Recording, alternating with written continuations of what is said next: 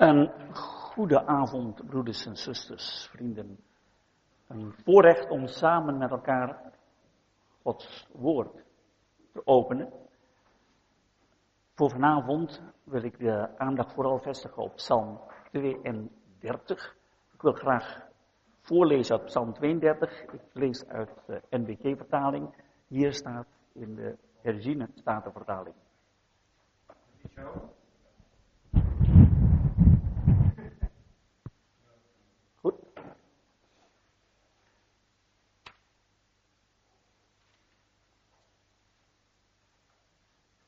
Een leerdicht van David, onderwijzing van David, of maskil van David.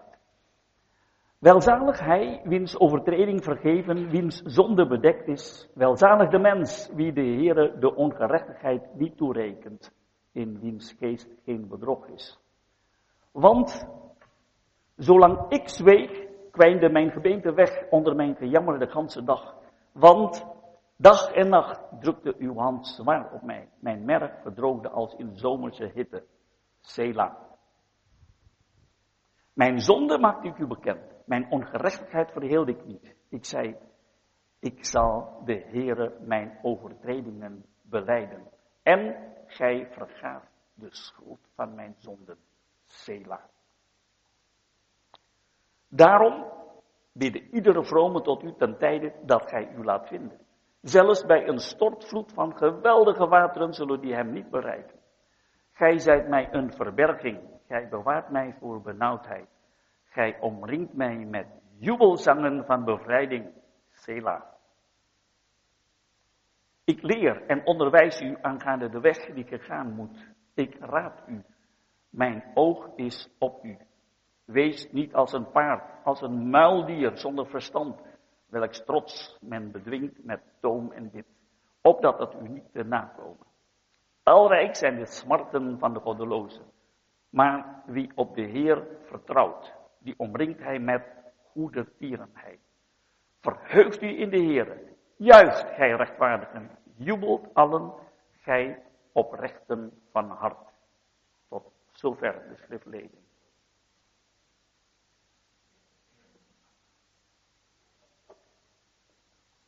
Psalm 32 is een van de vele parels van de psalmen. Alle psalmen zijn prachtig.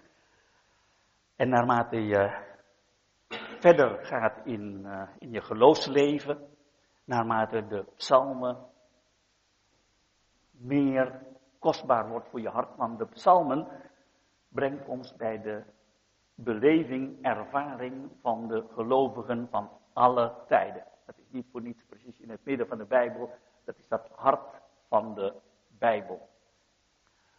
Psalm 32 in, in oudsher, in het verleden, altijd al uh, lievelingspsalmen van vele kerkvaders. Als ik denk aan Augustinus, hij liet Psalm 32, zijn sterfbed, aan de muur hangen, optekenen. En elke avond kijkt hij daarnaar, met tranen in de ogen, kon hij dat die psalm als gebed tot God uitspreken. Begrijpelijk, gezien ook de achtergrond van zijn leven, sprak deze psalm, de psalm van vergeving, hem heel bijzonder aan. Maar zo is deze psalm ook voor ons van grote waarde.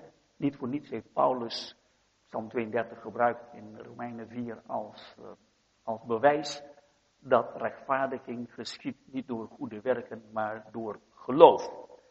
En tenslotte, en daar zullen we ook met elkaar over nadenken, het is een maskil psalm. Psalm, dat betekent dat in de nabije toekomst zal het van enorme waarde zijn voor het overblijfsel van Israël. De orthodoxe joden die nu in Israël zitten, die straks tot geloof in de Heer Jezus zullen komen, die zullen eerst Psalm 32 in de mond moeten nemen voordat de Heer verder kan gaan met hem. Um, wat dat betreft, overdenking van de psalmen, is dat denk ik heel belangrijk om te beseffen dat bij het lezen van de psalmen, de Bijbel in het algemeen, dat we meerdere lagen zullen vinden. En daarom heb ik een ui meegenomen, omdat een ui bestaat uit vele lagen. En als ik een ui ga snijden, weet ik voorzichtig moet doen. Als je een ui ziet, dan, is bestaat dat uit meerdere lagen. Haal je de één laag eraf, dan is dat nog steeds een ui. Haal je nog een laag eraf, is dat nog steeds een ui. Bij de uitleg van Gods woord vind je ook meerdere lagen. En als we met elkaar daarover nadenken, dan moeten we beseffen dat we springen van de ene laag naar de andere laag. Het, is het levende woord van God. Dus dat is, dat is je je hebt een, iemand die leeft, een levend persoon. Als je kijkt, mijn vrouw, zij is vrouw, zij is moeder, zij is oma. En, en als ze nog andere, andere uh, taken hebben, dan kun je, kun je zeggen, het is dezelfde persoon, maar die heeft meerdere kenmerkaspecten. En zo is het ook met Gods woord, leven en krachtig. De buitenkant, dan kijken we naar de geschiedkundige kant. Zullen we zien, 2 Samuel 11, 2 Samuel 12, de schrijver David, met deze aantekening, dat de Heilige Geest liet David die psalm optekenen, maar het is niet altijd exact beschrijving. De Heilige Geest liet David die, die woorden zodanig beschrijven, dat, omdat hij een profeet was, hij begrijpt dat ook niet altijd, zoals Petrus brief dat zegt, maar hij beschrijft dat, waardoor dat van toepassing is, profetisch, zowel op de Heer Jezus als op het overblijfsel als op ons. Ik noem even een voorbeeld in Handelingen 2, waar Paulus spreekt over, of waar Petrus spreekt over wat David geschreven heeft. En David schreef over Christus, over, zichzelf, dat hij de ontbinding niet zou zien. En dan zegt Petrus, ja maar luister eens, David heeft wel ontbinding gezien. Zijn graf is hier onder ons. Maar wat bedoelde David dan? David was een profeet. En daardoor, toen hij dat schreef, heeft hij door de Heilige Geest is hij gebruikt om over de zoon van David te schrijven. Dus als je de psalm zelf leest, denk je, nou, dat is niet helemaal nauwkeurig, maar het is zo beschreven dat dat van toepassing is op de Heer Jezus. En zo is dat altijd. Uh, je kijkt naar uh, Melchizedek, er wordt gezegd, geen vader en moeder. Natuurlijk had Melchizedek een vader en moeder, maar dat werd weggelaten opdat hij zou gelijken op de zoon van God. En zo met alle details van, eh, van, van de psalmen zul je zien dat de Heilige Geest dat gebruikt met het oog op de Heer Jezus. Als je Psalm 22 leest, dan lees je over iemand die sterft aan het kruis. Alle kenmerken. Nou, David heeft dat niet meegemaakt, maar David heeft dat als profeet geschreven over de zoon van David. Dus als we, als ik zeg, het is geschiedkundig geschiedkundig laag, dan moeten we beseffen dat de Heilige Geest kiest uit de geschiedenis dat wat profetisch van toepassing is op de Heer Jezus en op de gelovigen. Maar dat is ook de reden waarom heel veel theologen, die hebben moeite met deze psalmen en die zeggen, nee, maar dat klopt niet helemaal. Ja, dat klopt natuurlijk niet helemaal, want David, het ging God niet om David, maar het ging God om David als beeld van de Heer Jezus. Want dan ga je springen van de buitenslaag meteen naar de kern van, uh, van het verhaal. De kern, de sleutel van het verstaan van de Bijbel, is Christus. In Johannes 5, vers 37 zegt de Heer Jezus zelf, de schrift is het, Oude Testament, die van mij getuigt. Eén voorwerp dat de Heilige Geest voor de aandacht geeft, namelijk de Heilige Geest. En dat begrijpen de Joden niet. Als de Joden in de Korinthebrief nadenken over, uh, over het Oude Testament, dan hangt daar een sluier over hun gezicht. Je hebt eens geprobeerd met een sluier gezicht uh, iets te lezen. Het is net alsof je staar hebt aan beide ogen. En je probeert te lezen, maar het wordt niet duidelijk. Eh, meer licht, dat helpt niet. Uh, met, met, met vergrootlast helpt niet. Want de, er is iets, een sluier, dat wordt weggenomen in Christus. Als de Heer, als ze in die Christus geloven, zegt 2 Korinther 3, dan zullen ze het begrijpen. Maar dat is één belangrijkste sleutel van het verstaan van de Bijbel. Ten eerste, dat het gaat om Christus. aan de Emmausgangers maakte de Heer Jezus duidelijk dat zowel de wet als de profeten, als de psalmen, die spreken over het lijden van Christus en de heerlijkheid daarna. Dat is de kern, de sleutel van het verstaan van de Bijbel. Als je dat niet ziet, als je denkt dat het over andere onderwerpen gaat, dan heb je het mis. Het gaat over de persoon van de Heer Jezus. En ook de Joden straks zullen dat moeten leren. De tweede reden is, vind je in 1 Korinthe 2 vers 14, waar Paulus zegt, de natuurlijke mens, de natuurlijke mens is iemand zonder de Heilige Geest. Iemand die niet bekeerd is, iemand die niet in de Heer Jezus gelooft. Hij mag zeer intelligent zijn, zeer geleerd zijn, maar zonder de Heilige Geest, de natuurlijke mens, neemt niet aan wat van de Geest van God is. Want dat is geestelijk te verstaan. En dan staat erachter, hij kan het ook niet verstaan. Er is een, een onmogelijkheid om dat verstaan zoals uh, als ik hier een lezing geef. Er is, als je neemt een aap, je zet hem daar neer. En je probeert die aap uh, die dingen uit te leggen. Nou, je kunt je best doen. Die aap heeft niet het vermogen om te begrijpen waar ik het over heb. Want die heeft een andere geest. Ja, dus dat is heel belangrijk om te beseffen. Zelfs een Nicodemus, die door de Heer Jezus genoemd wordt, de leraar, de autoriteit bij uitstek, de leraar van Israël. Hij kan het niet, de dingen van God niet begrijpen. De Heer Jezus zegt, als je niet wederom geboren wordt, kun je het koninkrijk van God niet zien, oftewel begrijpen. Je kunt, je kunt er niks van begrijpen, Nicodemus. Je moet eerst de Heilige Geest hebben en dan ook nog de verlichte ogen van je hart om deze dingen te verstaan. Dus dat is heel belangrijk. De buitenste kant geschiedkundig, de binnenste gaat over Christus. En dan heb je andere lagen. En de één laag die heel vaak wordt, uh, wordt gebruikt bij de psalmen, en dat is ook goed, dat is de toepassing op ons. Want heel de schrift is het woord van God is gegeven nuttig om ons te onderwijzen, ons te vormen, ons te bemoedigen. Het is het woord van God, is gegeven voor alle gelovigen van alle tijd. Maar de uh, organisatoren van de lezing heeft hier de nadruk gelegd op het woord maskil psalmen. Dat is een Hebreeuws woord. Maskil betekent verstandig of inzicht hebben.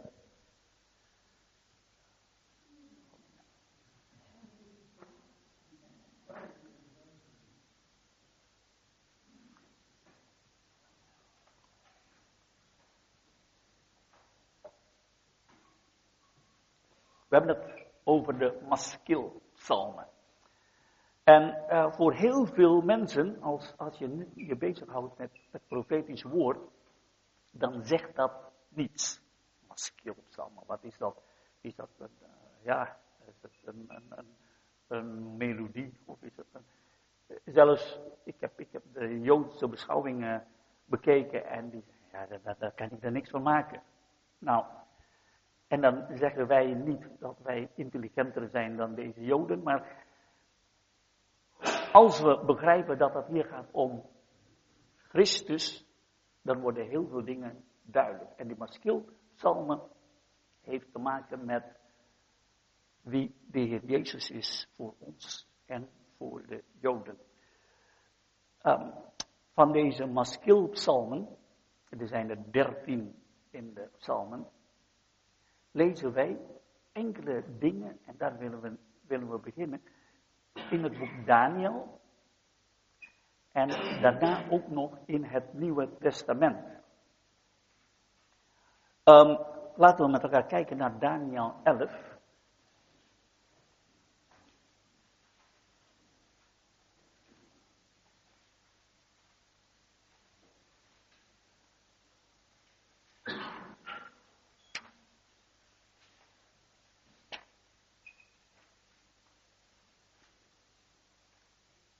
Daniel 11, vers 33.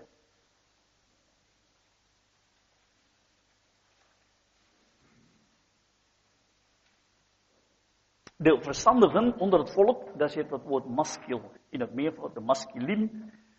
zullen velen tot inzicht brengen. Ze zullen een tijd lang struikelen, vallen door het zwaard en vuur, door gevangenschap en beroving. Vers 35. Sommige van de verstandigen zullen struikelen, vallen, opdat er onder hen loutering, schifting en zuivering teweeggebracht worden. Tot aan de eindtijd deze toef nog tot de vastgestelde tijd. Nog twee versen in hoofdstuk 12. Vers 3. De verstandigen zullen stralen als de glans van het uitspansel, die velen tot gerechtigheid hebben gebracht als sterren, voor eeuwig en altoos. Vers 10, maar de verstandigen zullen het verstaan. Vier versen over verstandigen, oftewel masculin. Trouwens, er staat nog één keer in het boek Amos, voordat we naar het Nieuwe Testament gaan. In het boek Amos lees je nog één keer over verstandigen. En hier zien wij dat het verstaan van de Bijbel, dat is schrift met schrift vergelijken. Laten we de schrift zelf uitleggen wat masculin is. In Amos 5, vers 13 lezen we over een tijd. Daarom zwijgt de verstandige, de masculin, in die tijd. Want het is een boze tijd. En dat gaat over de tijd van de grote verdrukking. En dan vinden we dat twee keer in het Nieuwe Testament. Dat begrip masculin. Ten eerste in Matthäus 24. Matthäus 24, vers 15.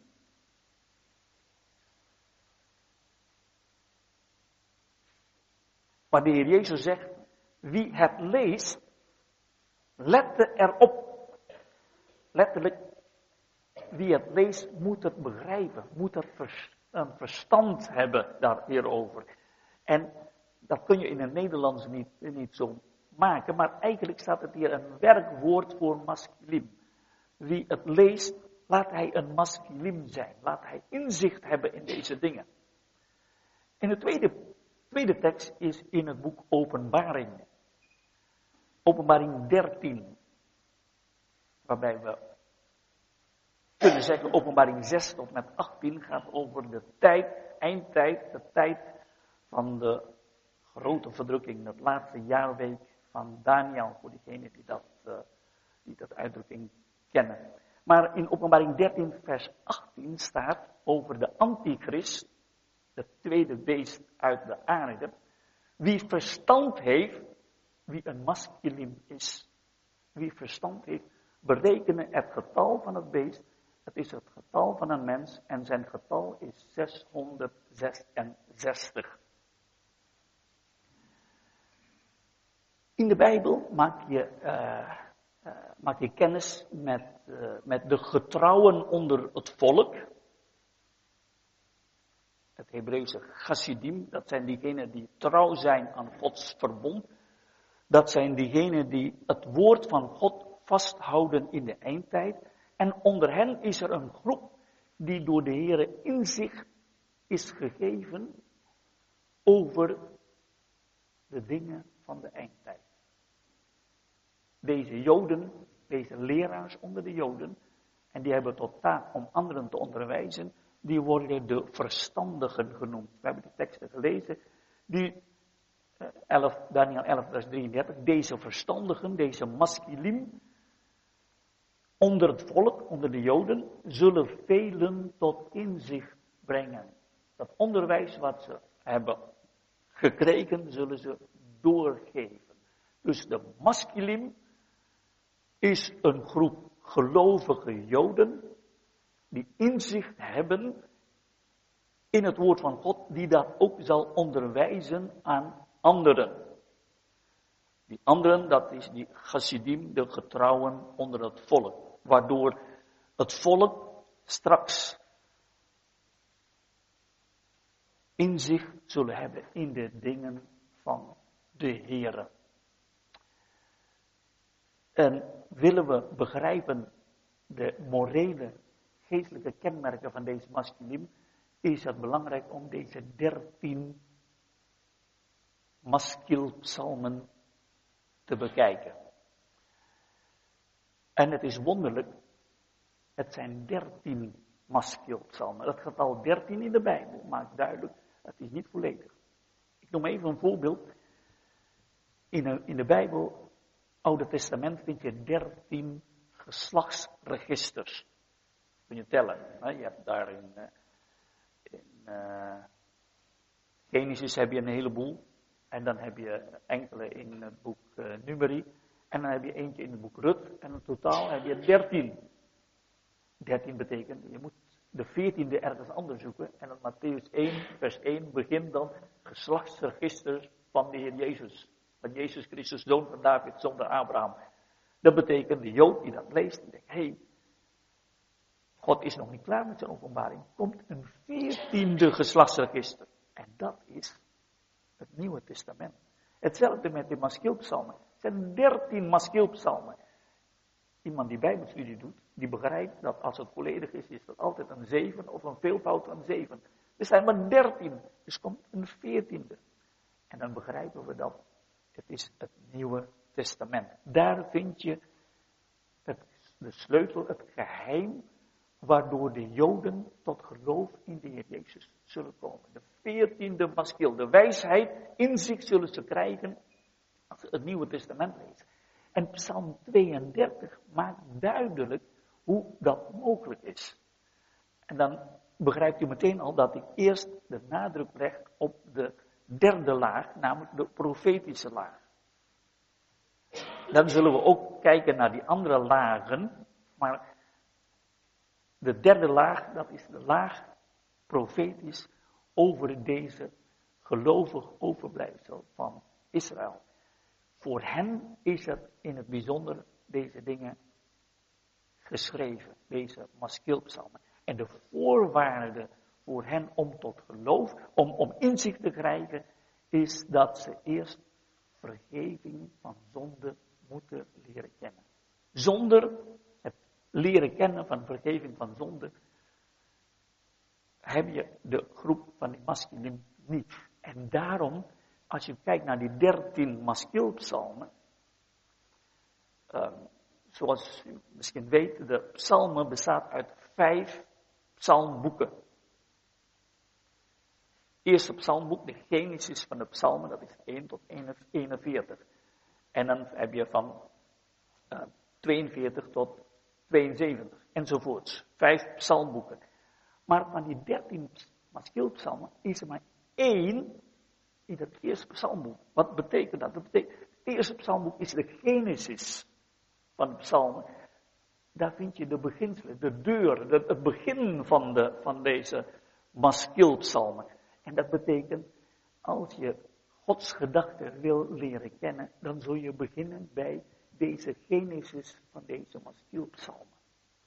Namelijk dat je eerst vergeving van zonden moet ontvangen. Dat is, dat is, je, dat is, je, dat is het, het begin. Zonder dit kun je de rest vergeten. Om dat te illustreren wil ik, wil ik kijken naar het verband van de psalmen. Het verband van de psalmen. Uh, de psalmen begint met uh, schitterende psalm, met welzalig, de zaligspreking. Welzalig de man die niet wandelt in de raad der goddelozen, die niet staat in de weg der zondaars, die niet zit in de kring der spotters. Zelfs de kinderen kennen Psalm 1 doordat ze heel veel daarover zingen. Maar als je dat leest, dan denk je welzalig. Ja, maar die welzaligheid, dat geldt niet voor mij. Maar dat geldt, als je Psalm 1 leest, dat geldt alleen maar voor de volmaakte mens. Maar dat ben ik niet. Dat geldt alleen maar, en dan begrijp je dat, want de psalmen, zegt Lucas 24, gaat over de Heer Jezus. Dus die psalm, psalm 1 gaat over de Heer Jezus. Hij is welzalig. Hij is diegene die, die daar besproken wordt. Er is niemand anders. Wij zijn net als David. Onvolmaakt. En leven of dood in zonden en misdaden. Maar dan de tweede psalm waar je welzalig leest, dat is psalm 32. En dat is zo schitterend. De tweede psalm luidt, welzalig hij van wie de overtreding vergeven, van wie de zonde bedekt is, de mens wie de Heer de ongerechtigheid niet toerekent. Hé, hey, er is een welzaligheid voor de onvolmaakte mens. Hoe is dat dan mogelijk? Dat is de vraag. Hoe, hoe is het mogelijk dat, dat God, spreekt God zichzelf dan niet tegen, welzalig de volmaakte mens en welzalig de onvolmaakte mens? En dat antwoord vind je dan in de rest van de psalmen. In psalm 22 tot met 24 vind je de openbaring van de heerlijkheden van de Heer Jezus. Psalm 22 kijken naar 2000 jaar geleden, naar het kruis van Golgotha. De Heer Jezus als onze heiland. Psalm 23, dan zien we de Heer Jezus zoals Hij nu is. Onze Heer, de herder. En Psalm 24, de Heer Jezus zoals Hij in de toekomst heel binnenkort zal zijn, de heerser. Heiland, Heer, heerser. De openbaring van zijn heerlijkheid. En wat heeft dat ons te zeggen? En dat, dat vind je in de psalm 25 tot en met 34. De psalmen van David. Waarschijnlijk allemaal van David. In psalm 25 lees je dan de wegen van God. Als je kijkt, laten we even snel kijken naar psalm 25. Psalm 25.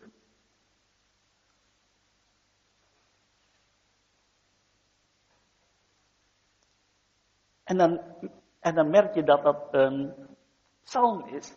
Waarom zeg ik het is over de wegen van God?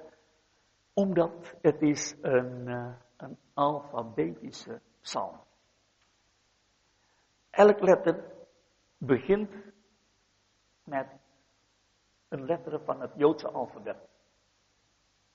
A, B, C, D, E dan in het Nederlands. En, en dat, dat geeft aan de regeringswegen van God met de gelovigen. En wat de regeringswegen van God met de gelovigen, wil ik even twee versen eruit lichten, die voor ons van belang zijn. Dat is vers 8 en vers 9.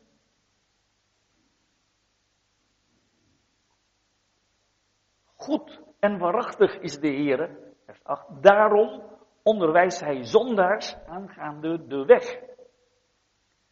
Vers 9, ootmoedig doet hij wandelen in het recht en hij leert ootmoedigen zijn weg.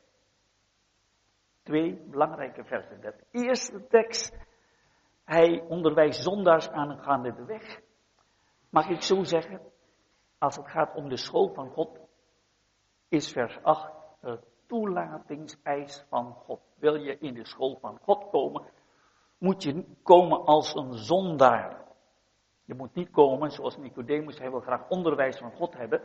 Hij wil direct, hij zegt, uh, rabbi, eh, wij weten dat u een leraar van God gezonde wand, enzovoort. En de Heer zegt, ja, maar zo werkt dat niet, uh, Nicodemus. Als je tot mij wil komen, moet je eerst wederom geboren worden. En dan moet je naar mij kijken, niet als, als leerling om, om onderwijs te ontvangen, dan moet je naar mij kijken, zoals, zoals de Israëlieten keken naar de koperen slang in de woestijn. Je moet kijken omdat je onderweg bent om te sterven en je moet leven hebben. Als zondaar tot de Heer. Anders, anders is dat niet mogelijk. En zo zal het ook zijn voor deze masculine. Voordat iemand een masculine genoemd wordt, moet hij eerst als zondaar tot God komen met beleidenis van zonde. En wat dat betreft zullen we straks zien, is David een type, een voorbeeld ervan. En als je die toelatingseis van God hebt doorlopen, dan kom je bij, de, bij, de, bij het onderwijs zelf. En dat is vers 9. Ootmoedigen doet hij wandelen in het recht.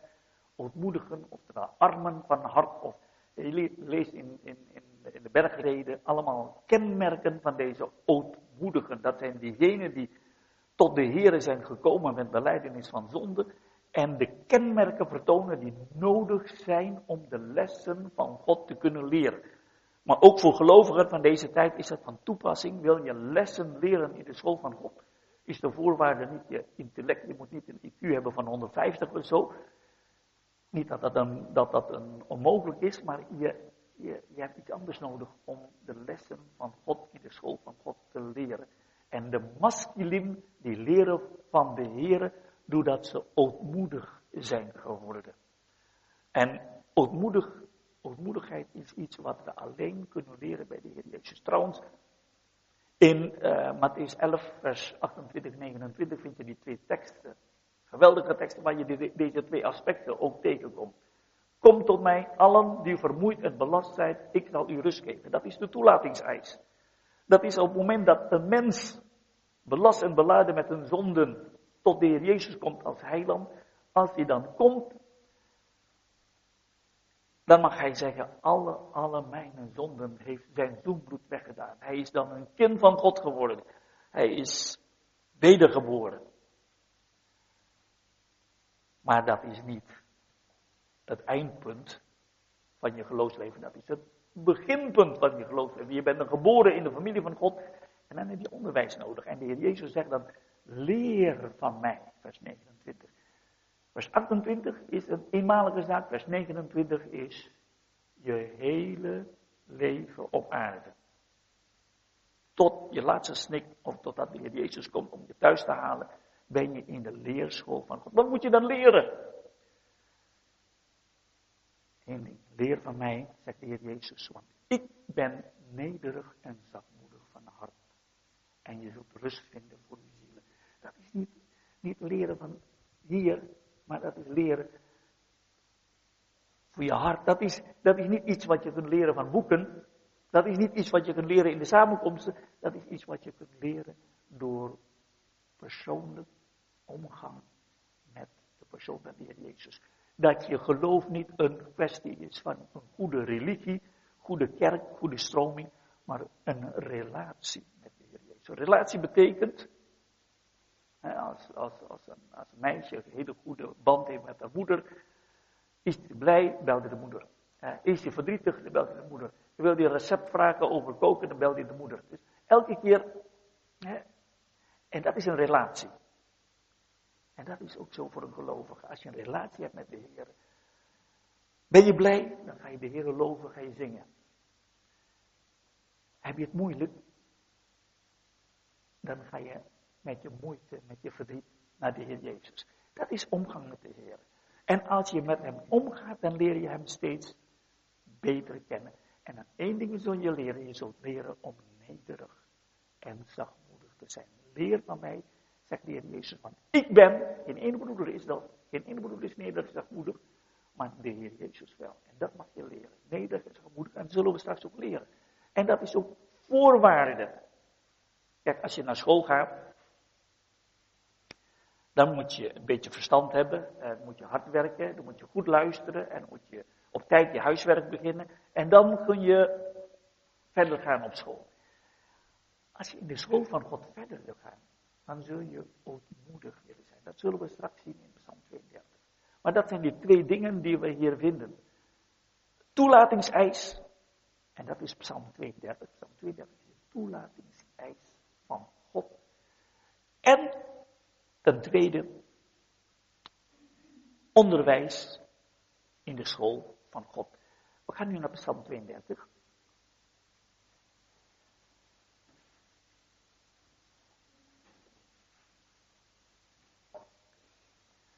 Als wij iets schrijven, meestal is het zo dat we schrijven een hele verhaal en aan het eind slotconclusie. Dat doet de psalmen niet. De psalmen begint met een slotconclusie. Het is eigenlijk geen slot, maar het is, het, is, het is een samenvatting, het is de titel. Vers 1 en 2 is eigenlijk de titel, de inhoud van deze psalm. Het is dat, dat, dat uitspreken van welzalig zijn, dat, uh, dat doet David. En het is een getuigenis van David. Hij spreekt niet vanuit de theorie zoals uh, hier staat, hij spreekt als een ervaringsdeskundige. En onderwijs ontvangen van iemand die iets zelf ervaren heeft, dat gaat dieper. want als, als, je, als, je, als je les krijgt van iemand die dat nog nooit heeft meegemaakt, dan zeg je, oh, joh, je kunt makkelijk praten, je hebt het zelf nog nooit meegemaakt, je wil me troosten. we hebben een, dochter verloren. Ik sprak een keer met een broeder die uh, een derde kind heeft verloren. En uh, hij zei tegen mij, Tony, ik weet dat je ook een dochter verloren hebt. Van jou kan ik het aannemen. Je hebt ervaren wat dat is om een kind te verliezen. Dat kan ik accepteren, maar, maar zo is het ook hier. David heeft die dingen ervaren en hij geeft dat door en dan dat komt met kracht binnen. Je, je beseft, David, het is geen goedkoop praatje wat je, wat je doet. Dat, dat, is, dat, is, dat is, voor jou, dat is werkelijkheid. Je hebt zelf uh, doorlopen. En dat is eigenlijk, als je kijkt naar de heiland, naar de Heer Jezus. En je hebt zelf moeilijk, je komt naar de Heer Jezus. En dan zegt de Heer Jezus, maar ik heb het allemaal meegemaakt. Ik ben ook verzocht, net als jullie, uitgenomen de zonde. Van binnenuit is hij niet verzocht geweest. Maar al die moeite van buitenaf heeft hij allemaal meegemaakt. En de moeite van binnenuit, daarvoor is hij aan het kruis voor jou gestorven. Dus David was een ervaringsdeskundige, want, en dat is de buitenkant van de zaak, de geschiedkundige kant van Psalm 32. Dan zou je 2 Samuel 11 en 12 moeten lezen. En ik wil het kort samenvatten. In 2 Samuel 11 lees je over David.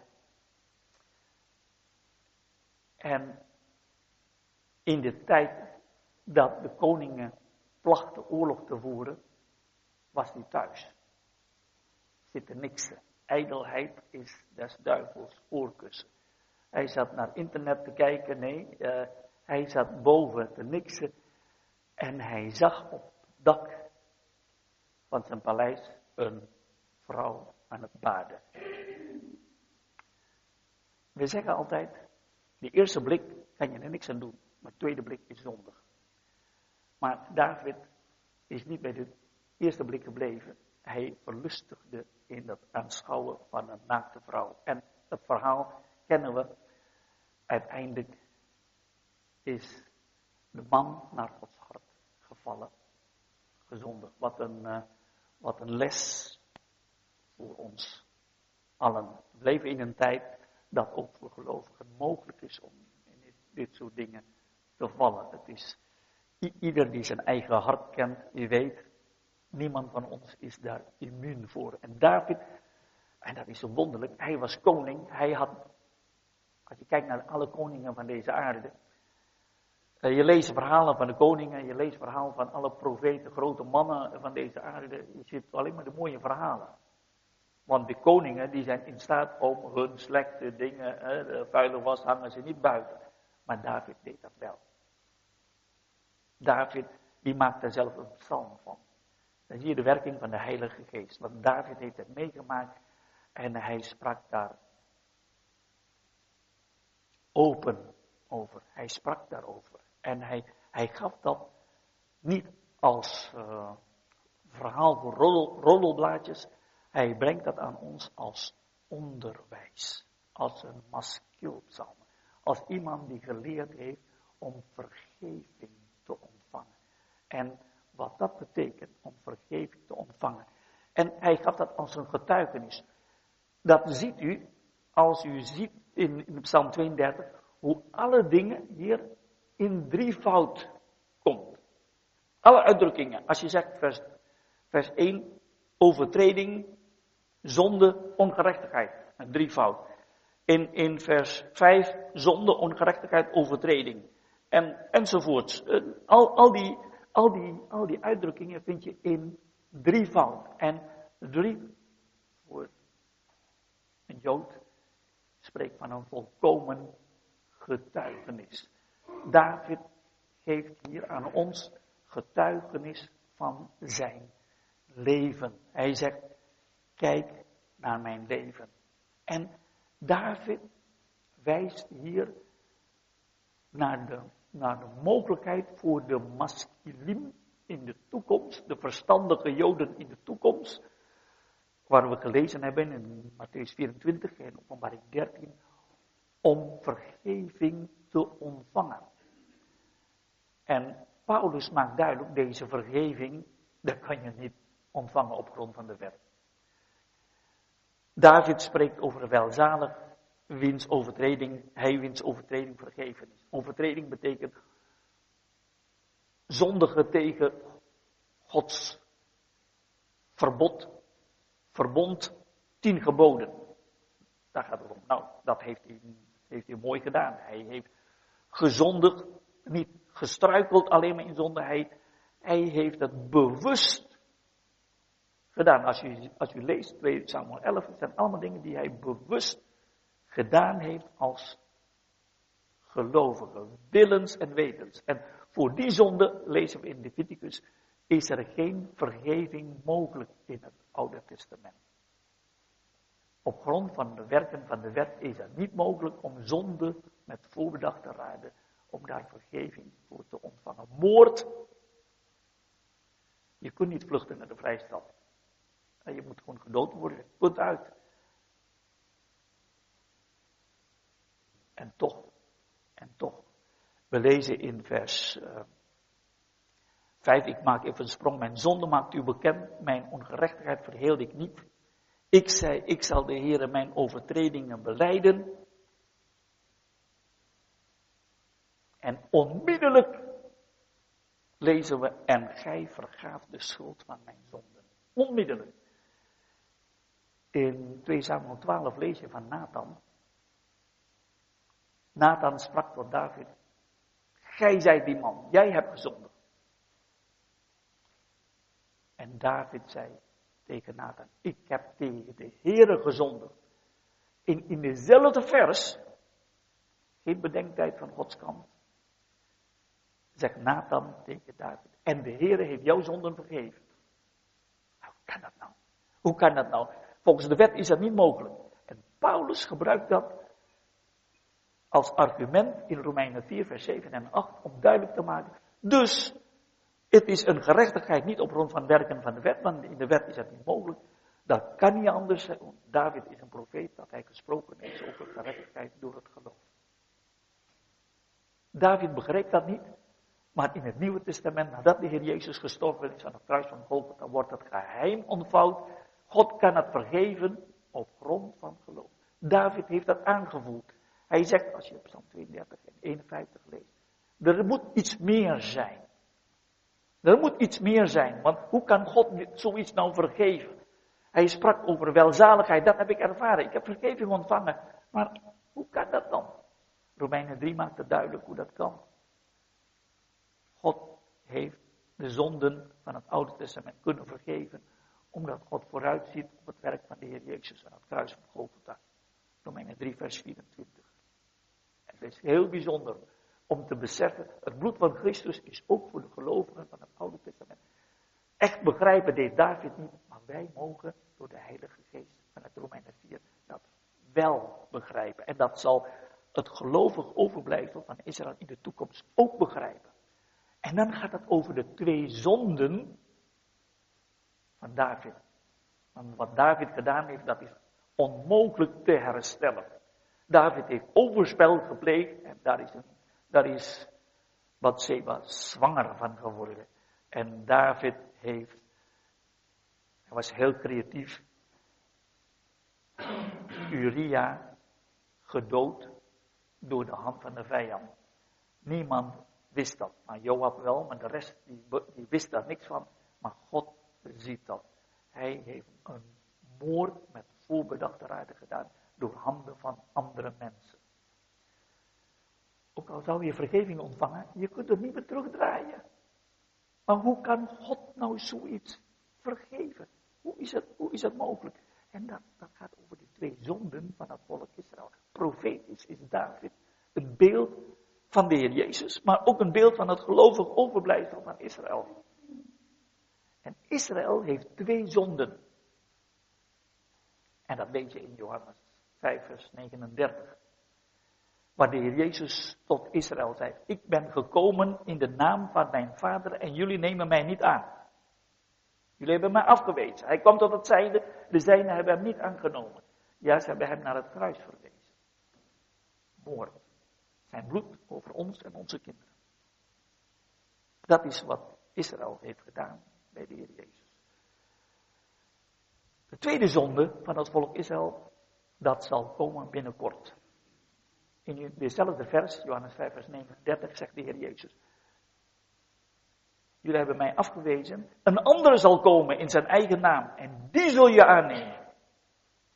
En dat is een mens die zal komen met de woorden, ik ben God. 2 Timotheus, 2 Thessalonicense 2. Hij zal zichzelf in de dan herbouwde tempel in Jeruzalem verklaren dat hij God is, de koning van Israël. En in plaats van hem te stenigen, zal Israël hem aannemen. Dat zegt de Heer Jezus. En dat is nog niet vervuld. En dat zal binnenkort vervuld worden. Jeruzalem is nu in handen van Israël. De tempel is nog niet herbouwd. Dat zal binnenkort herbouwd worden. Er is nog geen koning in Israël. Er komt een koning. En deze koning zal verklaren dat hij God is. En Israël zal het aannemen. Je kunt, je kunt het nauwelijks, ja, je kunt het moeilijk voorstellen. Hoe, hoe, hoe is dit dan nou mogelijk? Nou, dat, dat staat in Gods woord. En dat zal gebeuren. En wij zien, wij leven in een tijd dat wij zien die dingen zijn aan het gebeuren. Maar daar zien we de twee zonden van Israël. Moord en overspel. Want het aannemen van de antichrist is overspel jegens God. Dat is afgoderij. Dat is de zonde van, waarvan Satan zegt tegen Adam, als je van die vrucht eet, dan zul je zijn als God. En hier heb je een mens die zegt dat hij God is. Net als Herodes in, in, in Handelingen 12. Ik ben God. Nou, de zoon van God is gekomen en hij zegt, ik ben de zoon van God. En wat hebben ze gedaan? Hij heeft zichzelf zo'n zoon van God genoemd en daarom moet hij sterven. Hij, de zoon van God, is gekruisigd omdat hij zegt dat hij de zoon van God is. En er komt straks een mens, hij zegt, ik ben God. Dat ze, ze zullen hem aannemen. Twee zonden. En voor deze twee zonden is de Heer Jezus aan het kruis gestorven. Net als voor David, voor moord en overspel, heeft hij vergeving ontvangen. En zo zal voor het volk Israël, voor deze twee grote zonden, zal Israël vergeving ontvangen. Israël zal het niet begrijpen, net als de broers van David. Die ah, zaten te bibberen voor, uh, uh, voor de broers van Jozef, bibberen voor Jozef, de, koning van, van Egypte. Dat is Jozef die we verworpen hebben. Jozef zegt, vrees niet, vrees niet. Jullie hebben kwaad bedacht jegens mij, jullie hebben mij verkocht. Maar God heeft mij vooruitgezonden om een groot volk, een overblijfsel in leven te behouden. En zo zal de Heer Jezus zeggen tegen het volk Israël, jullie hebben het kwaad bedacht, jullie hebben mij verworpen. Maar God heeft dit gebruikt om van Israël een overblijfsel, een groot volk te behouden. Want hoe geweldig is dat? Dat dat binnenkort gaat gebeuren. En diegene die dat eerst zal begrijpen, dat wordt genoemd de masculin. De verstandigen. Ze hebben inzicht in de dingen van God. De sluier is weggenomen. De bedekking in 2 Korinther 3, die in Christus niet gedaan wordt. Als we in de Heer Jezus geloven, binnenkort, dan zullen deze orthodoxe Joden inzicht krijgen in de wegen van God. En in het kort, de andere psalm, die hebben we denk ik in tijd voor om dat te behandelen straks, maar in de, eh, in de psalmen 52 tot en met 55 vind je een andere viertal maskilpsalmen. En dan gaat het over de kenmerken van de antichrist. Want deze wijzen, die zullen de antichrist herkennen. En dat gaat ook, daar gaat het ook om in Matthäus 24. Als je, als deze masculine wijzen, verstandigen van het volk, de gruwel der verwoesting zal zien staan, dat daar in de tempel van uh, de herbouwde tempel van Jeruzalem een mens ziet die zegt dat hij God is, dat is voor God een gruwel. De maat van de zonde van Israël, de maat van de zonde van de wereld is vol. Dan gaat God ingrijpen. Dan weet Israël, dat is de druppel die de emmer doet overlopen.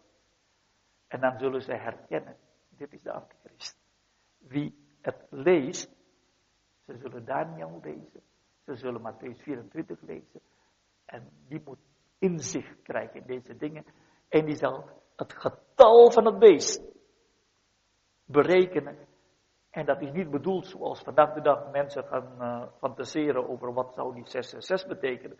Maar die 666, dat zullen ze herkennen, deze man is, zes is getal van de mens. En 666 is de poging van de mens om God te zijn. Dat is als, als de 9, die 9, 99%, 9999999, die wordt nooit 100%, maar bijna. En dat is ook de mens die probeert een 7 te zijn, om God te zijn. Maar dat zal nooit gelukken. En de masculin zal, zullen deze antichrist ontmaskeren, herkennen. Jij ziet uit als Christus, de horens als van het land, maar jij spreekt als een draak. En dus zullen ze hem herkennen en ontmaskeren en vluchten. Maar Psalm 32 gaat over de herkenning eerst van hun eigen zonde, voordat ze de ogen geopend krijgen. En dan lees je drie dingen. De zonde van Israël wordt hier beschreven in drie uitdrukkingen. Overtreding, zonde en ongerechtigheid. Overtreding, zoals ik zei, dat is, dat is, dat is eigenlijk in opstand komen, rebellie. God zegt in de tien geboden dat mag niet, maar jongens, ik doe het toch. David wist dat dat niet mocht, hij deed het toch. Dat is overtreding. Zonde betekent het doel missen. God heeft jou geschapen met het doel om te leven tot heerlijkheid van God. Maar ieder mens heeft gezondigd, Romeinen 3 vers 23. En, oftewel namelijk, derven, oftewel missen, de heerlijkheid van God. Dat is letterlijk de betekenis van zonde. Zonde is dat je niet leeft 100% tot heerlijkheid van God. Dat is het tweede. En ten derde, ongerechtigheid. Ongerechtigheid is een woord in het Hebreeuws dat betekent, uh, je bent vuil, gemeen van binnen. Je bent, er zit een kronkel, je, je, je, je bent niet eerlijk, je bent niet oprecht. Het is, het, is, het is niet alleen maar een daad, maar elke zonde, eerst, eerst zondig je, een kind die, die doet iets wat verkeerd is, en dan komt de moeder, en dan komt de tweede zonde, namelijk je gaat er lief, erover liegen. En als je, als je, uh, als je doorgaat, dan ga je volharden in de liegen en ga je dingen verzinnen om die leugen waarheid te maken. Nou, dat is dat laatste. Dat laatste is dat, dat, dat, dat gekronkel, dat leugen een waarheid is binnen. En dat is wat, je gaat dat rechtvaardigen. Dat is, dat is die ongerechtigheid. Maar dan zegt David, hij van wie de overtreding vergeven is. Vergeven betekent weggenomen. Daar zit, zit die gedachte van, uh, van die geitenbok uit Leviticus 16, die in de tijdens de grote verzoendag de zonde van het volk Israël wegneemt, zover het oosten is van het westen. De zonde van Israël wordt op die geitenbok gelegd en dat wordt weggenomen. Zo heeft de Heer Jezus die zonden van Israël weggenomen. Ver weg, om nooit meer terug te keren. Ten tweede, wie, van wie de zonde bedekt is. Bedekt is betekent, God ziet ze niet meer. Alles, God kan alles zien, maar nu is die zonde bedekt. Dan zie je de gedachte van die, van die verzoendeksel, dat wordt bloed besprengd. En achter de bloed kun je scheiden. God kan die zonde niet meer zien, omdat de prijs van die zonde is al betaald. En dat is geweldig als Israël mag weten dat het bloed van Christus hun ook reinigt van alle zonden. Ten slotte de ongerechtigheid niet toerekenen. Niet toerekenen betekent, het is alsof ze dat niet hebben gedaan. Niet alsof. God rekent hun, als God iemand rechtvaardig verklaart, dat is de leer van de Romeinenbrief, dan zegt God niet alleen maar, het is je vergeven, maar dat wordt je niet meer toegerekend. Dat betekent, je hebt het niet gedaan. Moet je je voorstellen, ook al, al als David naar Bathseba was gegaan en zegt, Bathseba, luister, God heeft me vergeven. Dat is wel goedkoop, hè? Eh, God heeft jou vergeven, God heeft jou vergeven en uh, mijn man is dood. En je hebt het toch maar gedaan. En je hebt overspel gedaan. Dat is, als, als moordenaar vergeving ontvangt, ja, de slachtoffer blijft dood. En dan blijf je altijd een moordenaar. Ook al ben je ex, een ex-moordenaar, zeg je dat dan. Maar een gerechtvaardige is. Rechtvaardig betekent dat je voor de rechterstoel van God, dat God zegt, maar je hebt het niet gedaan. Ah, je hebt het niet gedaan, je hebt het wel gedaan. Nee, God zegt, je hebt het niet gedaan. Waarom niet? Wie in Christus is,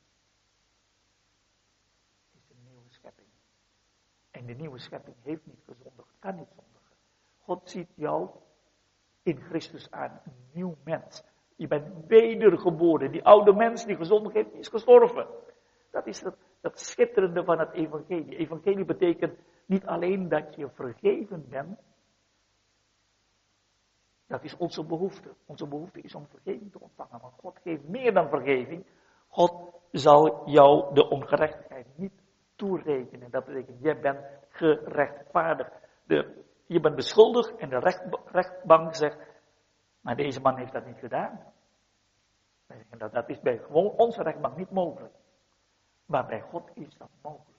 Dat als je bij God komt, dat je, dat je niet meer praat van ja, maar Heer, ik ben, uh, ik, ik, kom bij u, maar ik heb dat en dat gedaan en dat blijf ik. Ik ben altijd uh, getekend door het feit dat ik vroeger dat en dat gedaan heb.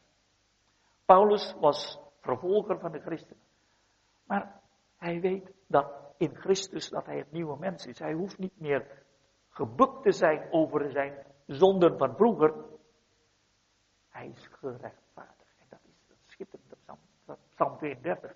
Als je in je leven dingen gedaan hebt wat niet goed is. Dat je weet, bij God is er volkomen vergeving. Maar, maar,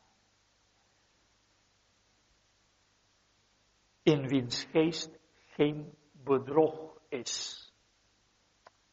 Wat is bedrog? Bedrog betekent dat je de zonde niet verzwijgt. Dat je niet 90%, maar dat je 100% alles, dat je geen geheimen meer hebt voor God. Dat is betekenis geen bedrog. Dat je tot God komt en je zegt, en, en je hoeft mij niet meer te sparen, hier ben ik zoals ik ben. He, Saul, die kwam bij, bij, Samuel en zegt, Samuel, um, uh, ik heb fout gedaan, maar denk aan mijn eer. Probeer mij te sparen. Nou, dat is niet, uh, dat is niet 100% komen tot God. 100% tot God komen betekent dat je, dat je jezelf overgeeft. Je vertelt alles. Je hebt geen geheimen meer. Zo kom je tot God. Je kunt niet anders tot God komen. Je kunt niet tot God komen en zeggen, ja, je God, dat en dat en dat, maar dat uh, hou ik voor mezelf.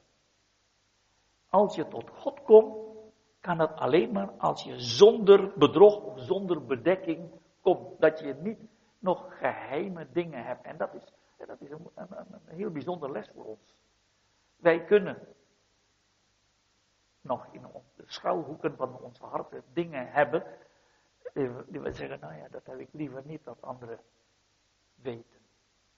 Ik heb dingen waarover je schaamt. Dingen waarover, waarvan je zegt, nou dat, uh, ja, en we kunnen naar elkaar toe de dingen bedekken, maar naar God toe is dat niet mogelijk. Alle dingen zijn geopend voor Hem met wie we te doen hebben. We kunnen, als we de Heer Jezus binnenkort tegenkomen, zijn ogen, zegt het boek Openbaring, zijn als vuurvlam. Wat betekent dat als vuurvlam? Heb je van die mensen, als je, als je nog klein bent, dan heb je iets stouts gedaan. En dan kom je bij je mama en je wil eigenlijk gaan liegen, maar je, je ziet de ogen van je moeder. En die ogen van, van je moeder kijkt dwars door je heen. En dan denk je, ah ja, mijn moeder doorziet alles, dus het heeft geen zin om, om te jokken. En dan kan je eerlijk vertellen, ja mama, ik heb het gedaan. Ogen als vuurvlam is, als je bij de Heer Jezus komt, zul je ontdekken dat je alleen maar kunt zwijgen en erkennen wat Hij zegt waar is. Je kunt niks verbergen bij de Heer Jezus. En dat is wat, je, wat het geheim van David. David heeft niet gezegd, ja, ik heb het wel gedaan, maar uh, er zijn van die verzachtende omstandigheden. Ja, mama, ik heb het gedaan, maar hij heeft dat eerst gedaan. Mama, weet, weet, je wel, ik, ik, kan er niks aan doen, want, zoals, zoals Aaron, die, zei, ja, ik heb al gouden kalf gemaakt, maar Weet je wat dat is? Ik heb, ik heb dat, Ik heb goud in het vuur gegooid en toen kwam de gouden kalf eruit. Weet je wel, je, je proeft daarin dat dat, ja, dat is niet eerlijk. Het, is, het, het zijn smoesjes.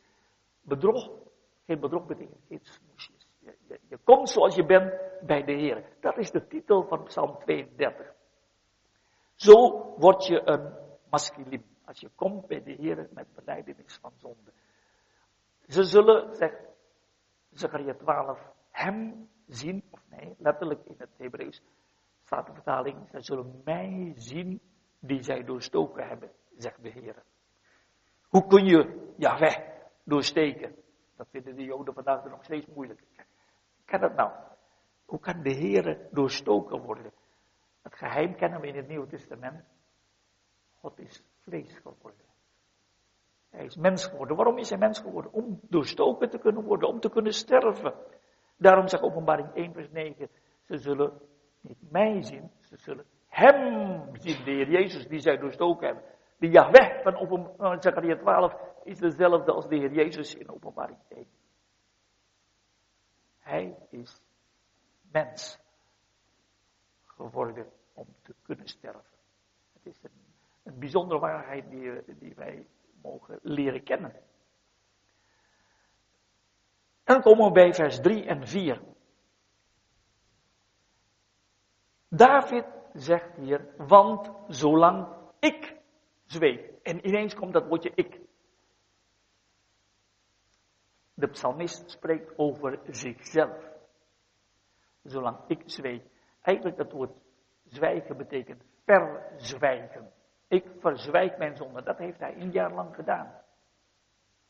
Het is een droge, dorre tijd. Magere jaar voor David, geestelijk. En hoe David dat kon doen, ja, dat kunnen we ook doen. We kunnen ook dingen verzwijgen. Jaren. Maar dan merk je, dat kwijnde mijn gebeente weg onder mijn gejammer de ganse dag. Hij kijkt terug en zei, al die tijd, hè, die, die frisheid van Psalm 1, welzalig, hè, als, als, als een boom geplant in, eh, in, in waterstromen, dat, dat, bruisende geestelijk leven. Ja, David, die functioneerde nog wel een beetje, maar, maar de relatie met de Heer, het zit hem niet lekker. Achteraf gezien was alles eigenlijk dor en droog. Ken je dat? Ken je dat ook als, als, je, als je iets in je leven verzwijgt? Naar God toe, naar anderen toe, dat je geestelijk leven, maar dat wordt allemaal minnetjes. Je, en, en daar getuigt David van. Dag en nacht drukte uw hand zwaar op mij. Petrus spreekt over de krachtige hand van God. Petrus spreekt over het oordeel dat begint bij het huis van God. De Heer maakt duidelijk dat gelovigen niet goedkoop zondig. Dan maak ik nou een toepassing naar onszelf toe. Het is een ervaring van alle gelovigen dat het een voorrecht is om de Heer te wandelen, maar dat een gelovige nooit goedkoop zondig. En hoe snel je leugen ook is, de waarheid achterhaalt hem wel. En je ziet hier dat de werkzaamheid van de Heer, de Heer werkt bij deze, bij, uh, bij deze Israëlieten. En dan komt dat woord Sela. Sela betekent het is een tijd om over na te denken. Het is de tijd, soms zendt God een ziekte in je leven. Of een, uh, iets, omstandigheden waardoor je stilgezet wordt. En dan ga je nadenken. De broers van, van Jozef hebben jarenlang geleefd met de wetenschap. We hebben Jozef verkocht. Maar ze hebben nooit tijd gehad om erover na te denken. En toen heeft God, door middel van Jozef, hen stilgezet. In de gevangenis. Nou, in de gevangenis heb je volop tijd om over na te denken. En dan, en dan komen al die herinneringen van vroeger terug. En dat ging hun kwellen. En toen begon, en toen begon de Heer te werken in het hart van de broers van Jozef. Herken je dat? Dat God in je leven ook jou stil kan zetten. En dan zegt God, nou denk maar eens goed over na. En dan ga je, ga malen, je nadenken. En dan ga je terugblikken naar je leven. je leven overdenken. En dan kom je tot de ontdekking, ja.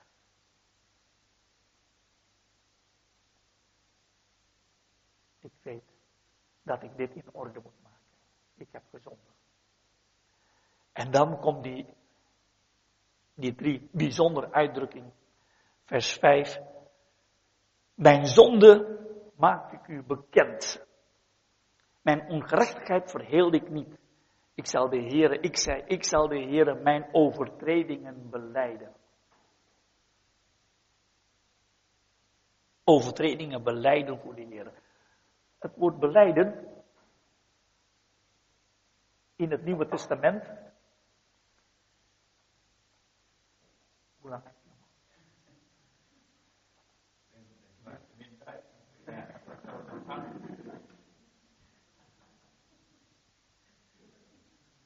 Ik zal inters uh, afronden en misschien, uh, misschien dat, uh, dat ik de vragen tijdens de spreking dat kan, kan behandelen. Want ik zit op halverwege Psalm 32.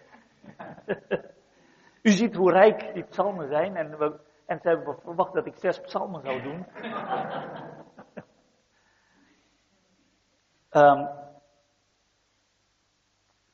beleiden. Beleiden in het Grieks betekent hetzelfde zeggen. Hoezo hetzelfde zeggen? Hetzelfde zeggen zoals God die ziet. Dat is beleiden. Als je dingen wil beleiden, beleidenis, dan leer je hoe, hoe ziet God dat? En als je dan zegt tegen de Heer God, ja Heer, ik zie dat ook. Zoals u ziet, zo zie ik dat ook. Dat is beleiden.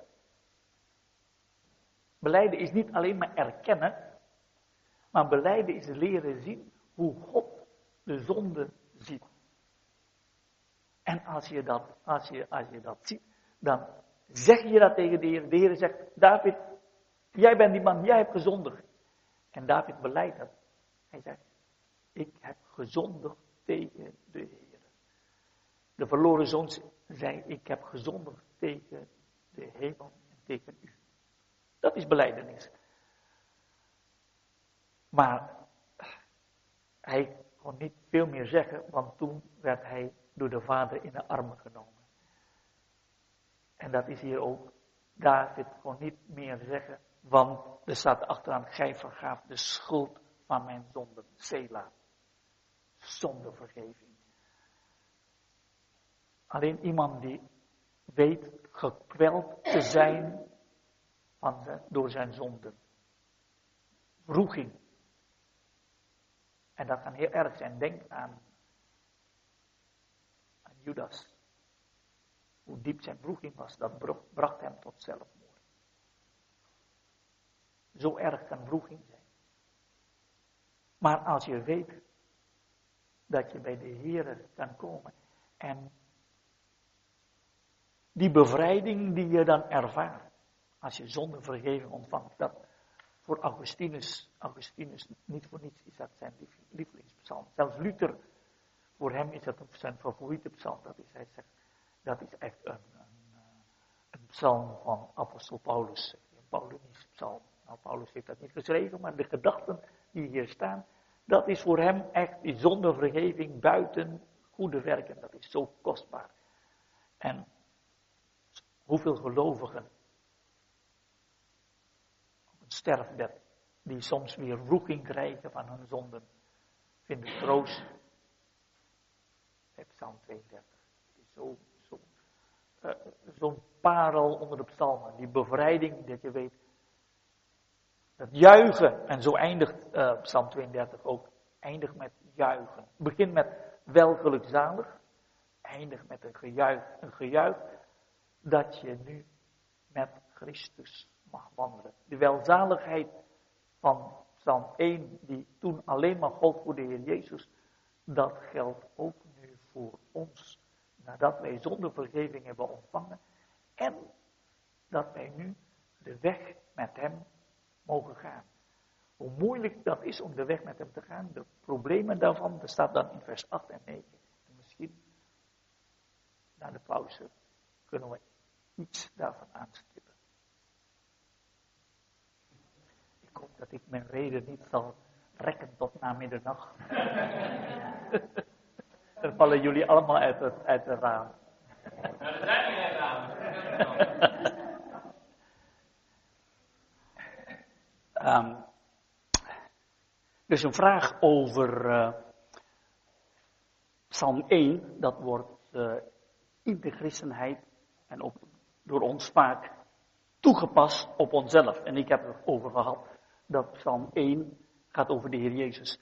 En ik denk dat als het gaat om welzalig, de man die niet wandelt in de raad door goddelozen, de welzaligheid op grond daarvan, op grond van werken van de wet, dat geldt alleen de Heer Jezus.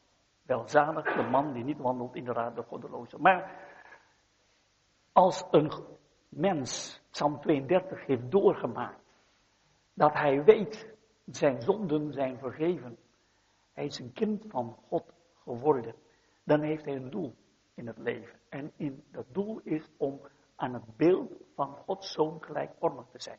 Paulus was niet tevreden dat de Galatiërs tot geloof waren gekomen. Hij was opnieuw in barensnood totdat Christus gestalte krijgt in hun leven. En Christus gestalte in je leven betekent dat je steeds meer op hem gaat gelijken. 2 Korinther 3 vers 18 is, is, is, is het antwoord op de vraag, wat is het doel van christen zijn? Je christen is dat je naar hem, zijn heerlijkheid kijkt en je wordt veranderd naar zijn beeld. Dat is het doel van God. God wil de Heer Jezus zien in jouw leven. En als je dat doet, dan zul je ook de kenmerken van Psalm 1 laten zien. Maar niet om welzalig te zijn, want die welzaligheid op grond van Psalm 1 geldt alleen de Heer Jezus. Onze welzaligheid is doordat Christus voor mij gestorven is. Psalm 31 heb ik overgeslagen. Daar vind je het lijden van Christus. In Psalm 32 zien wij de betekenis van het lijden van Christus voor ons. Het gelovig overblijfsel zal in een grote verdrukking onderwijs krijgen wat betekent het lijden van Christus. Ze zullen hem zien, mij zien die zij doorstoken hebben. Ze zullen schrikken, net als Saulus van Tarsus. Hij kwam vlak bij Damascus en hij zag Christus. En, hij, en Christus zegt, waarom vervolgt gij mij? En toen kwam hij met de vraag, wie bent u dan? Ik ben Jezus die gij vervolgt. Jezus is de Christus. Dat zullen de Joden straks ook ontdekken. Ze verwachten de komst van Christus, maar ze zullen straks Christus ontmoeten, Zachariah 12, en ze zullen de wonden zien aan zijn handen en ze zullen herkennen. Maar dat is Jezus van Nazareth. Ook voor ons, als we straks boven zijn, we hoeven niet aan Gabriel of Michael te zeggen, wie is de Heer Jezus? We zullen hem zien als een lam staan als geslacht. We zullen hem onmiddellijk herkennen. In die tussentijd, in die tussentijd hebben wij een les te leren. In uh, Psalm 32, vers 8. Ik leer en onderwijs u aangaande de weg die gij gaan moet. Nou, mijn overtuiging is dat een uitspraak van God. God zegt tegen de gelovigen, ik geef je onderwijs, ik geef je les. En wat dat betreft, als je onderwijs hebt ontvangen, of vergeving hebt ontvangen, dan geef je die les door aan anderen. Paulus zegt in 2 Korinthe 2, met de vertroosting waarmee God mij vertroost heeft, kan ik anderen weer vertroosten. 2 Timotheus 2, Timotheus, dat wat je gehoord hebt van mij onder vele getuigen, dan geef je door aan anderen die op een beurt weer anderen kunnen onderwijzen. Het is, het is een kettingreactie. Het is, het, is, het is iets wat je door mag geven. En toen David in Psalm 51 die vergeving heeft ontvangen, zegt hij in vers 15, dat is zo mooi, dan zal ik overtreders uw wegen leren, op dat zondags zich tot u bekeren. Hij is ervaringsdeskundige, maar hij heeft dat ervaren om dat aan anderen door te kunnen geven.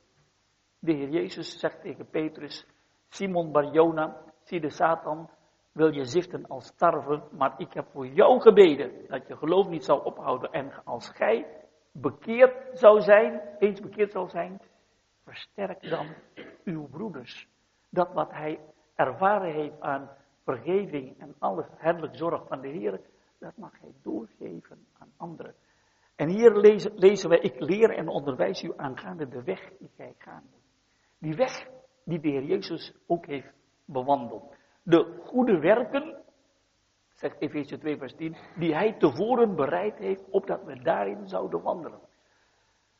Wij als gelovigen, wij hoeven niet meer te verzinnen, te bedenken, planningen maken um, vanuit onszelf. Onze taak in de eerste plaats is de vraag, Heer, wat wil u dat ik doen zal? Ontdekken wat Hij wil dat wij doen zullen. Hij heeft een weg toebereid. We hoeven alleen maar te ontdekken. Maar wat is het probleem? Ik raad u, mijn oog is op u. En dat betekent, voor de Heer zijn wij kostbaar. Hij, hij zal je nooit uit het oog verliezen. Hij ziet jou voortdurend. Probleem zit hem niet bij hem. Het probleem zit bij ons. En dat, is, dat zit in de waarschuwing van vers 9. Wees niet als een paard, als een muildier zonder verstand, welk trots men bedwingt met toonbid. Opdat het nu ten, niet te nakomen. In de school van God hebben we gezegd in Psalm 25 vers 9, hebben we ootmoedigheid nodig. Maar wat zijn de gevaren? Wat zijn de struikelblokken van het leven van een gelovige? Wel, dat is, dat is vers 9. Dat wij niet ons gedragen als een schaap, een schaap is volgzaam, maar als een paard of als een muilezel. Een paard, waar mag je denken aan een paard in de Bijbel? In de tijd van de Bijbel, toen had je nog geen auto, geen motorfiets, geen vliegtuig. Paard is een toonbeeld van snelheid. En een paard is zo snel dat je een toom nodig hebt om een paard in toom te houden. Anders, uh, als je dat niet hebt, dan, uh, dan gaat hij door en door ongeremd. En in de Bijbel lezen we dat in Jacobus 3, vers 2 en 3. Daar lees je dat. Mijn tong is als een paard. Dat moet ik temmen. Want het probleem van gelovige we zijn veel sneller dan de Heer. Voordat de Heer dingen duidelijk maakt, zijn wij alweer bezig. En wat de Heer duidelijk wil maken is eigenlijk, wees niet als een paard dat je zelf initiatieven gaat, nemen. Dat je dingen zelf gaat doen buiten de Heer om. Dan ben je niet een schaap. Een schaap is een volgzaam dier. Die, die kijkt Waar is de herder? En dan volgt hij. De Israëlieten krijgen de opdracht. Kijk naar de wolkolom. Als de wolkolom vertrekt, dan vertrek je. Als de wolkolom stopt, dan stop je. Maar je moet niet de wolkolom rechts gaan inhalen, want dan heb je een probleem. En dat is een paard. Wij zijn vaak sneller dan de Heer. We wachten niet op de Heer. Dat is het probleem van een gelovige. Dat je in je enthousiasme, in je overmaat en energie de Heer voorbij loopt. Wacht op de Heer. Als je een brief krijgt, als je een beslissing moet nemen. Soms kun je niet wachten, maar zelfs dan, als Nehemia een vraag stelt, een vraag krijgt van de koning, kijkt hij omhoog en letterlijk een schietgebed, bad tot de Heer en gaf de koning antwoord. Je kunt niet lang bidden, want je moet onmiddellijk antwoorden. Maar hij overlegde eerst met de Heer. Hij was geen paard, hij zegt, Heer, wilt u mij leiden? Dat is het gevaar van een gelovige, dat je bent als een paard. Maar niet alleen als een paard, als een muilezel zonder verstand. Een muilezel is een kruising tussen een ezel en een merriepaard. En die heeft, die heeft geen verstand, heeft de aard van zijn vader. Zo vader, zo zoon. Een muilezel is net als een ezel. En kenmerk van een ezel is, je vindt het vaker in de Bijbel, dat heel eigenwijs is. Denk aan ezelin van Biliam. Uh, Biliam die zegt, ik heb nee gezegd, aan de zegt, is het nee. En sommige gelovigen, die hebben ook het probleem van, nou ja, ik heb, ik heb besloten dat en dat. Nou ja, dan, uh, het is onvermurfbaar en niet te veranderen. En dat gedraag je als een muilezel, wiens trots men bedwingt met toon en. En dan zegt de psalmist, zo moet je het niet doen. Je moet niet gekenmerkt door, door activiteit. Je moet ook niet gekenmerkt worden door eigenwijs. Je moet je kunnen laten corrigeren. Dat is het woord ootmoed. Ootmoed betekent, je bent corrigeerbaar. Zijn wij corrigeerbaar? We hebben allemaal ons eigen ideeën. De Israëlieten hadden allemaal ons, hun ideeën. En hoe moeilijk dat is om open te staan voor correctie van Gods woord. De Heer zegt, onverstandig en traag van hart om te geloven dat. Dat staat er toch in de Bijbel? Ja, maar zij hebben van jongs af aan de Bijbel geleerd met een paarse bril en alles is daarom paars. Om te accepteren, om, om zoals de Bereërs dagelijks te onderzoeken of die dingen zo waren zoals, zoals Paulus dat, dat doorgaf. In Handelingen 17 vers 11, dat is een edele eigenschap. Dan ben je, lijk je meer op een schaap. Maar anders ben je een edel. Heel veel problemen in ons leven wordt veroorzaakt doordat we heel erg eigenwijs zijn. En David zegt, wees niet eigenwijs. Ik heb altijd een gevleugelde uitspraak. Dom zijn is nooit erg. Maar dom gecombineerd met eigenwijsheid, dan heb je een probleem. Dat is, dat is in, als gelovige ook, ook als je dingen fout doet, helemaal niet erg. Als je maar corrigeerbaar blijft. En dat is ootmoed. En hier vind je het probleem van de gelovigen. En dan kom je in vers 10 en 11. Talrijk zijn de smarten van de goddeloze, maar wie op de Heer vertrouwt, omringt hij met goede dieren. En heb, heb je weer de twee weken van Psalm 1. Psalm 1 heb je twee weken een gezegende weg en de weg die vergaat. En we hebben in Psalm 1 eigenlijk gezien, alleen de Heer Jezus is daarin volmaakt. Maar nu, nadat je de vergeving van zonde hebt ontvangen, nu mag je die weg van de Heer bewandelen. Mag je met hem wandelen. Zoals een Henoch wandelde met God.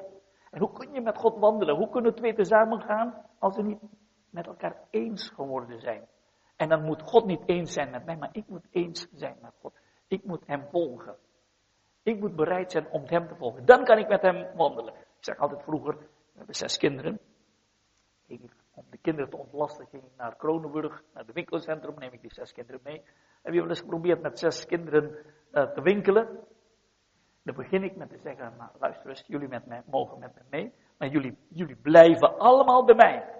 Want ik kan niet achter jullie aanrennen, want eh, dat lukt me niet om achter zes kinderen te rennen. Wil je met mij wandelen, dan moet je bij mij blijven. En zo is het ook als je met de Heer wil wandelen, zul je bij de Heer blijven. Met, zoals Barnabas zei in Handelingen 11, met een voornemen van het hart dicht bij de Heer te blijven. Dicht bij de Heer blijven betekent dat je onmiddellijk gehoorzaamt. Onmiddellijk volgen, en dat is moeilijk. Psalm 119 zegt ons, David zegt, ik haast mij en aarzel niet om uw geboden te onderhouden. David zegt geen bedenktijd. Op het moment dat hij zegt, gij zijt die man, krijgt dit door van Nathan, heeft hij niet gezegd, Nathan, geef mij even 24 uur bedenktijd, dan zal ik even over nadenken wat, wat ik met, met je boodschap ga doen. Onmiddellijk zegt hij, ik heb gezonde. Dat is een gelovige. Daarom is hij een man naar Gods hart. Omdat hij onmiddellijk doet de Heer vraagt. Toen aan Abraham de vraag gesteld werd, Abraham, neem je zoon die je lief hebt, offer hem. Nou, Heer, vindt u erg als ik uh, even een weekje, maar dat is toch wel, uh, dat is toch wel veel wat u vraagt. In die nacht heeft de Heer hem gevraagd. S'morgens vroeg vertrok hij. Abraham slaagde cum laude. Hij gehoorzaamde onmiddellijk. Hij heeft, dat is geen boldermodel, hij heeft onmiddellijk gehoorzaamd. En dat is wat de Heer van ons wil vragen. Gehoorzaamheid niet als robot, Gehoorzaamheid uit liefde. Mijn spijs is de wil te doen van hem die mij gezond heeft, zegt de Heer Jezus. En we mogen uit liefde, wederliefde voor hem, dat doen wat hij ons vraagt. En zo, ook in deze tijd, hebben wij een weg, gezegende weg. En ieder die de Heer Jezus heeft leren kennen als heiland en zaligmaker, mag getuigen van deze zondevergeving. Maar dan heb je dat onderwijs. Israël zal binnenkort ontdekken wat u en ik, als u de Heer Jezus kent, reeds ontdekt heeft. Zondevergeving. Dat zullen de Israëlieten ontdekken. En dan zullen hun ogen geopend zijn. En dan heb je een groep mensen, allemaal Paulussen. Kun je je voorstellen, één Paulus, komen honderdduizenden, miljoenen tot bekering. En straks het overblijfsel van Israël, deze masculine, zijn allemaal Paulussen.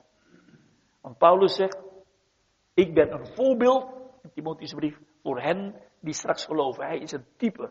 Zoals hij tot geloof kwam, zo zullen de masculine tot geloof komen. Hij zegt, ik ben een voortijdig geborene. Voortijdig betekent niet te laat geboren naar die andere apostelen. Voortijdig betekent prematuur. Te vroeg geboren. Hoezo te vroeg geboren? Zoals Paulus tot geloof is gekomen. Dat is eigenlijk de manier waarop de Joden tot geloof komen. Want de Joden geloven door aanschouwen. Wij geloven niet door aanschouwen. De Joden zijn als Thomas. Eerst zien en dan geloven. Ja, ze zullen hem zien, die zullen gestoken hebben. Maar wij zijn gelovigen die tot geloof komen door het horen, Romeinen 10 vers 13. Horen van het woord van God.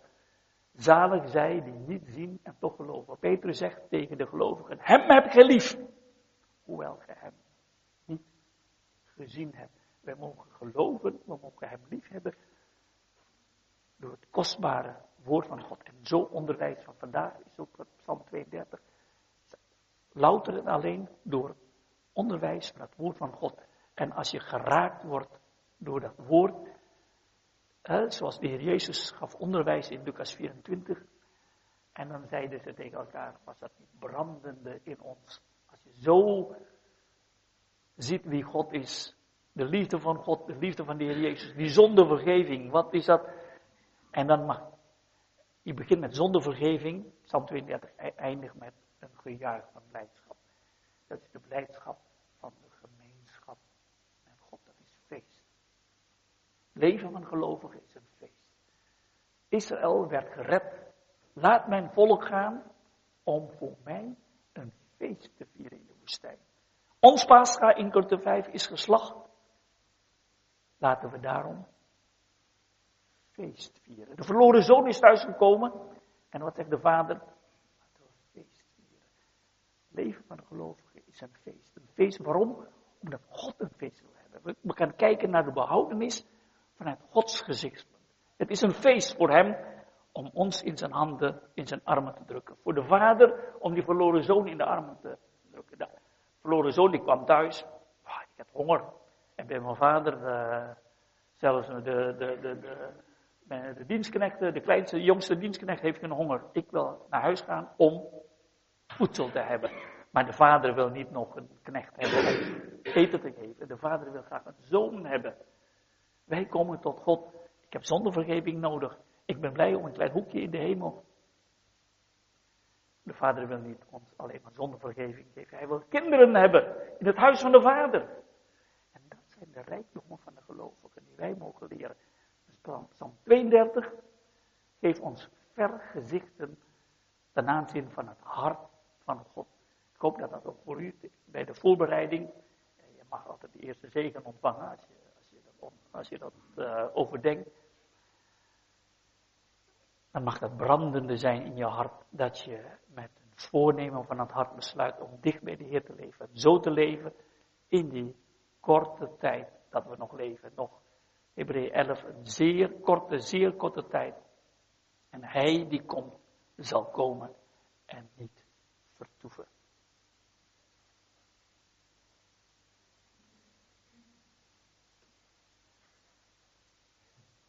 Zullen we danken? Ja. Vader in de hemel, we willen u heel hartelijk danken. Hartelijk danken dat we met elkaar uw woord mogen openen. En uw woord is werkelijk een lamp voor mijn voet, een licht voor mijn pad. Hoe kostbaar is uw woord. Want uw woord laat zien wie u bent. Laat ook zien wie wij van nature zijn. Heer, we willen bidden dat wij niet zullen zijn als een vergeetachtige hoorder. Huis gaan en alles maar weer vergeten. Maar dat wij dat de kostbare dingen die wij met elkaar mogen overdenken uit uw woord, mogen bewaren, net als Maria, in onze harten. Dat uw woord, dat uw persoon steeds kostbaar wordt voor onze harten. Dat in deze tijd van verval in de christenheid, dat wij de toevlucht tot u mogen nemen en u meer mogen volgen en meer mogen liefhebben. We danken u dat dit nog maar voor een heel korte tijd is. Heel binnenkort zullen we u zien van aangezicht tot aangezicht. En wij willen u danken dat in die tijd ertussen, dat u ons alles geeft om dicht bij u te kunnen blijven. Het loopt u niets uit de hand. We willen u daarvoor heel hartelijk danken. Heer, we willen bidden. Wilt u geven dat de zegeningen die wij hier hebben ontvangen, dat ook mogen doorgeven ons onze omgeving. En vooral aan hen die u nog niet kennen. Deze wereld die onderweg is om voor eeuwig verloren te gaan. We danken u daarvoor uit genade. Amen.